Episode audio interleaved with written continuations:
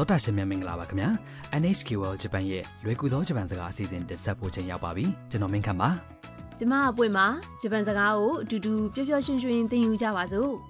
ဒီကနေ့သင်ခန်းစာ41မှာကိုလုတ်ချင်တဲ့အရာကိုလုပ်လို့ရမရမေးမြန်းတဲ့အသုံးအနှုန်းကိုလေ့လာပါမယ်အစီအစဉ်နောက်ပိုင်းမှာတော့ Kabuki ပြဆက်အကြောင်းပြောပြပါမယ် ဓပုံဆီယာမမီးယာကသူ့အခန်းထဲမှာအင်တာနက်ကြည့်ရင်အံအားသင့်စရာသတင်းတစ်ခုကိုတွေ့သွားတာကြောင့်တမ်ကိုခေါ်လိုက်ပါတယ် သင်ခန်းစာ41ဇာတ်လမ်းကိုနားထောင်ပါ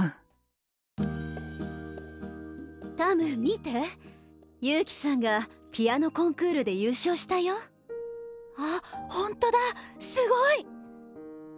来月2日にコンサートがあるよ行きたいですチケットを買うことができますか予約してみるね ဝါကြတစ်ကြောင်ချင်းကြည့်ပါမယ် မီးယာတွေ့တဲ့သတင်းကတမ်နှစ်သက်သဘောကျနေတဲ့ဆန်နီယာပညာရှင်ယူကီရဲ့အကြောင်းပါတမ်နဲ့ယူကီတို့ကဗီယက်နမ်မှာစေတနာဝန်ထမ်းအတူတူလုပ်ခဲ့တာဖြစ်ပါတယ် タム見て တမ်ကြည့်ပါအောင် ユウキさんがピアノコンクールで優勝したよ ယူကီဆန်ကဆန်နရားပြိုင်ပွဲမှာနိုင်သွားတယ် တမ်လည်းအံ့ဩသွားပါတယ် あ本当だ ဟဲဟုတ်တာပဲ すごい တော်လိုက်တာ မီးယာကဆက်ပြောပါတယ် 来月2日にコンサートがあるよ နောက်လ2ရက်နေ့မှာဆန်နရားဖြိုဖြေပွဲရှိတယ် တမ်ကချက်ချင်းပဲပြောပါတယ် 行きたいです သွားချင်ပါတယ် チケットを買うことができますか လက်မှတ်ဝယ်လို့ရနိုင်သလား မီးယာကပြန်ပြောပါတယ် 予約してみるね。 ကြိုတင်လက်မှတ်မှာကြည့်မယ်နော် တမ်သဘောကျနေတဲ့ယူကီကဆန်နီယာပြိုင်ပွဲမှာနိုင်သွားတာတော်လိုက်တာနော်တမ်နဲ့ယူကီပြန်တွေ့ကြရင်ကောင်းမယ်နော်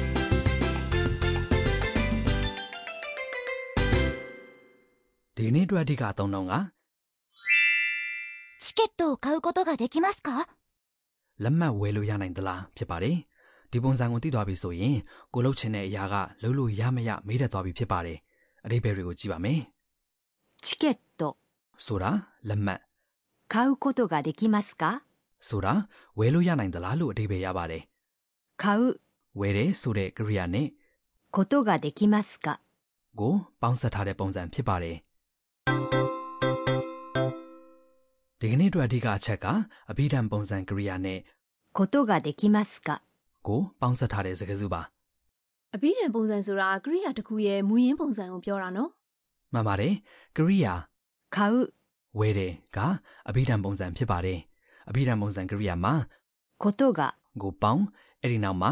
できます。 ကိုထပ်ပေါင်းလိုက်ရင်ဖြစ်နိုင်ခြေကိုပြတဲ့ပုံစံဖြစ်သွားပါတယ် できます。 ဆိုတာ できる。 လုံနိုင်တယ်ရယ် must ပုံစံကရိယာဖြစ်ပါတယ်ကိုလုပ်ချင်တဲ့အရာကိုလုပ်လို့ရမရမေးချင်တဲ့အခါမှာတော့ できますか ဆိုပြီးမေးခွန်းဝါကျနဲ့မေးရပါတယ် သရရှင်တို့ပြန်နှားထောင်ပြီးလိုက်ပြောကြည့်ကြရအောင် 買うことができますかチケットを買うことができますか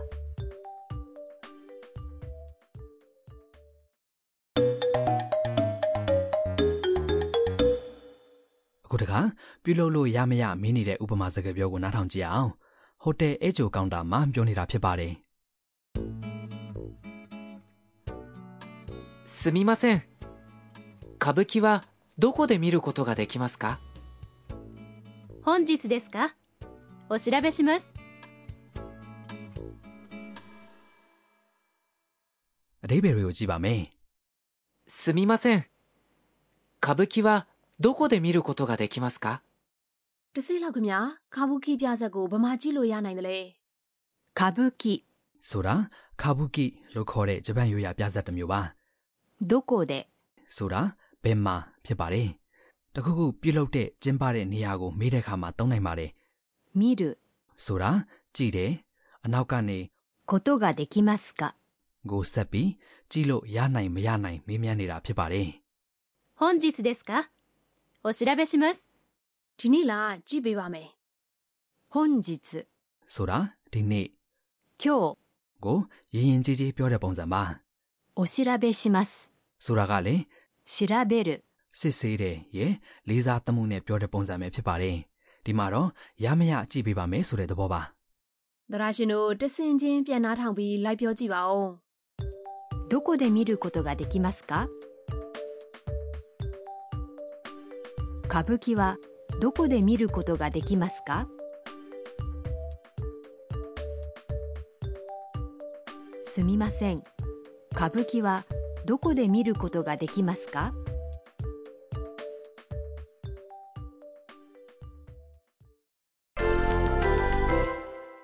တခြားဥပမာတွေလည်းပြောကြည့်အောင်စားတောက်ဆိုင်ကိုဖုန်းဆက်ပြီးနေရာကိုကြိုတင်ယူလို့ရမရမေးကြည့်ပါမယ်နေရာကြိုတင်မှာယူတယ်က 席を予約する席を予約する ဘာ すみません ငါနေစပြီးပြောကြည့်ပါ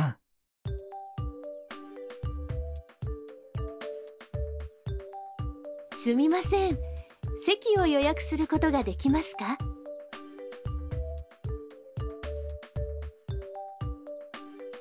すみません席を予約することができますか ဆက်ဆက်တိုးပွားစကလုံးများကဏ္ဍပါဒီကနေ့ဇက်လာမှာမိယာကတမ်ကိုစနေအားဖြောဖြေဝဲပြုလုပ်မဲ့ရက်ကို 来月2日 နောက်လာ၂ရက်နေ့လို့ပြောလိုက်ပါတယ်ဒါကြောင့်ဒီကနေ့တော့ရက်ဆွဲတွေရဲ့အခေါ်အဝေါ်တွေကိုလေ့လာပါမယ်တရက်နေ့ကနေ၁၀ရက်နေ့အထိကိုထူးခြားတဲ့ပုံစံနဲ့ပြောပါတယ်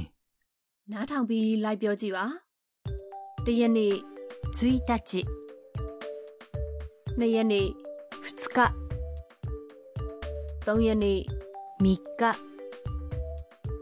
လေးရက်နေ့ 4日 ငါးရက်နေ့ 5日 ၆ရက်နေ့ 6日 ခုနှစ်ရက်နေ့ 7日 ရှစ်ရက်နေ့ 8日 ကိုးရက်နေ့ 9日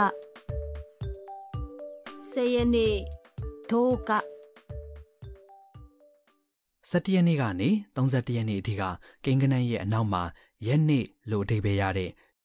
日 ကိုပေါင်းလိုက်ရုံပါပဲ။ဒါကြောင့်17ရက်နေ့ဆိုရင် 11 ကို 日 ဆက်လိုက်ပြီး 11日 လို့ပြောရပါမယ် အဲ့ဒါကြတော့လွယ်တယ်နော် ။ဟုတ်ပါတယ်။ဒါပေမဲ့ချွင်းချက်အနေနဲ့သတိထားရမှာတွေတော့ရှိတယ်။အဆုံးမှာလေးပါတဲ့နေ့ရက်တွေကို 4日 နှိစက်ရပါမယ်။14ရက်နေ့ဆိုရင် 14日24ရက်နေ့ဆိုရင် 24日 လို့ပြောပါတယ်။နောက်ချွင်းချက်တစ်ခုကတော့20ရက်နေ့ပါ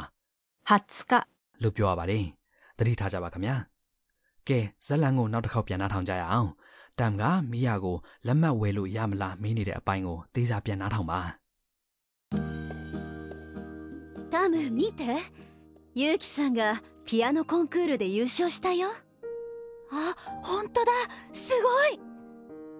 来月2日にコンサートがあるよ行きたいですチケットを買うことができますか予約してみるね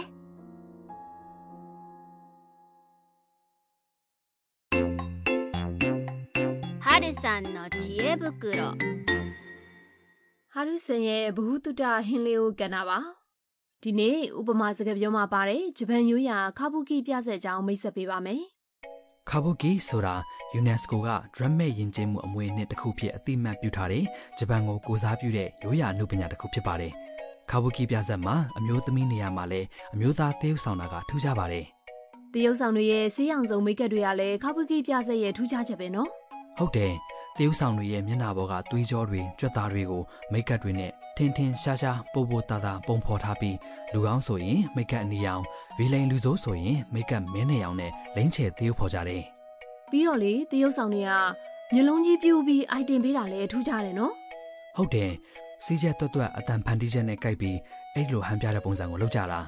ဒါကတော့ဟိုးရှေခေတ်ကစလိုက်မီတွေကင်မရာတွေမရှိသေးတဲ့အချိန်ကာလတုန်းကပရိသတ်တွေကိုအနီးကပ်ရိုက်ချက်လိုပုံစံမျိုးတွေပြသဖို့ဖြစ်တယ်လို့ဆိုကြတယ် ။သရရှင်တို့ဂျပန်ကိုလာလဲတဲ့ဆိုရင်တော့ခါပကိပြဆက်ကိုလည်းကြည့်ပြအောင်ကြည့်ပါလို့တိုက်တွန်းချင်ပါတယ်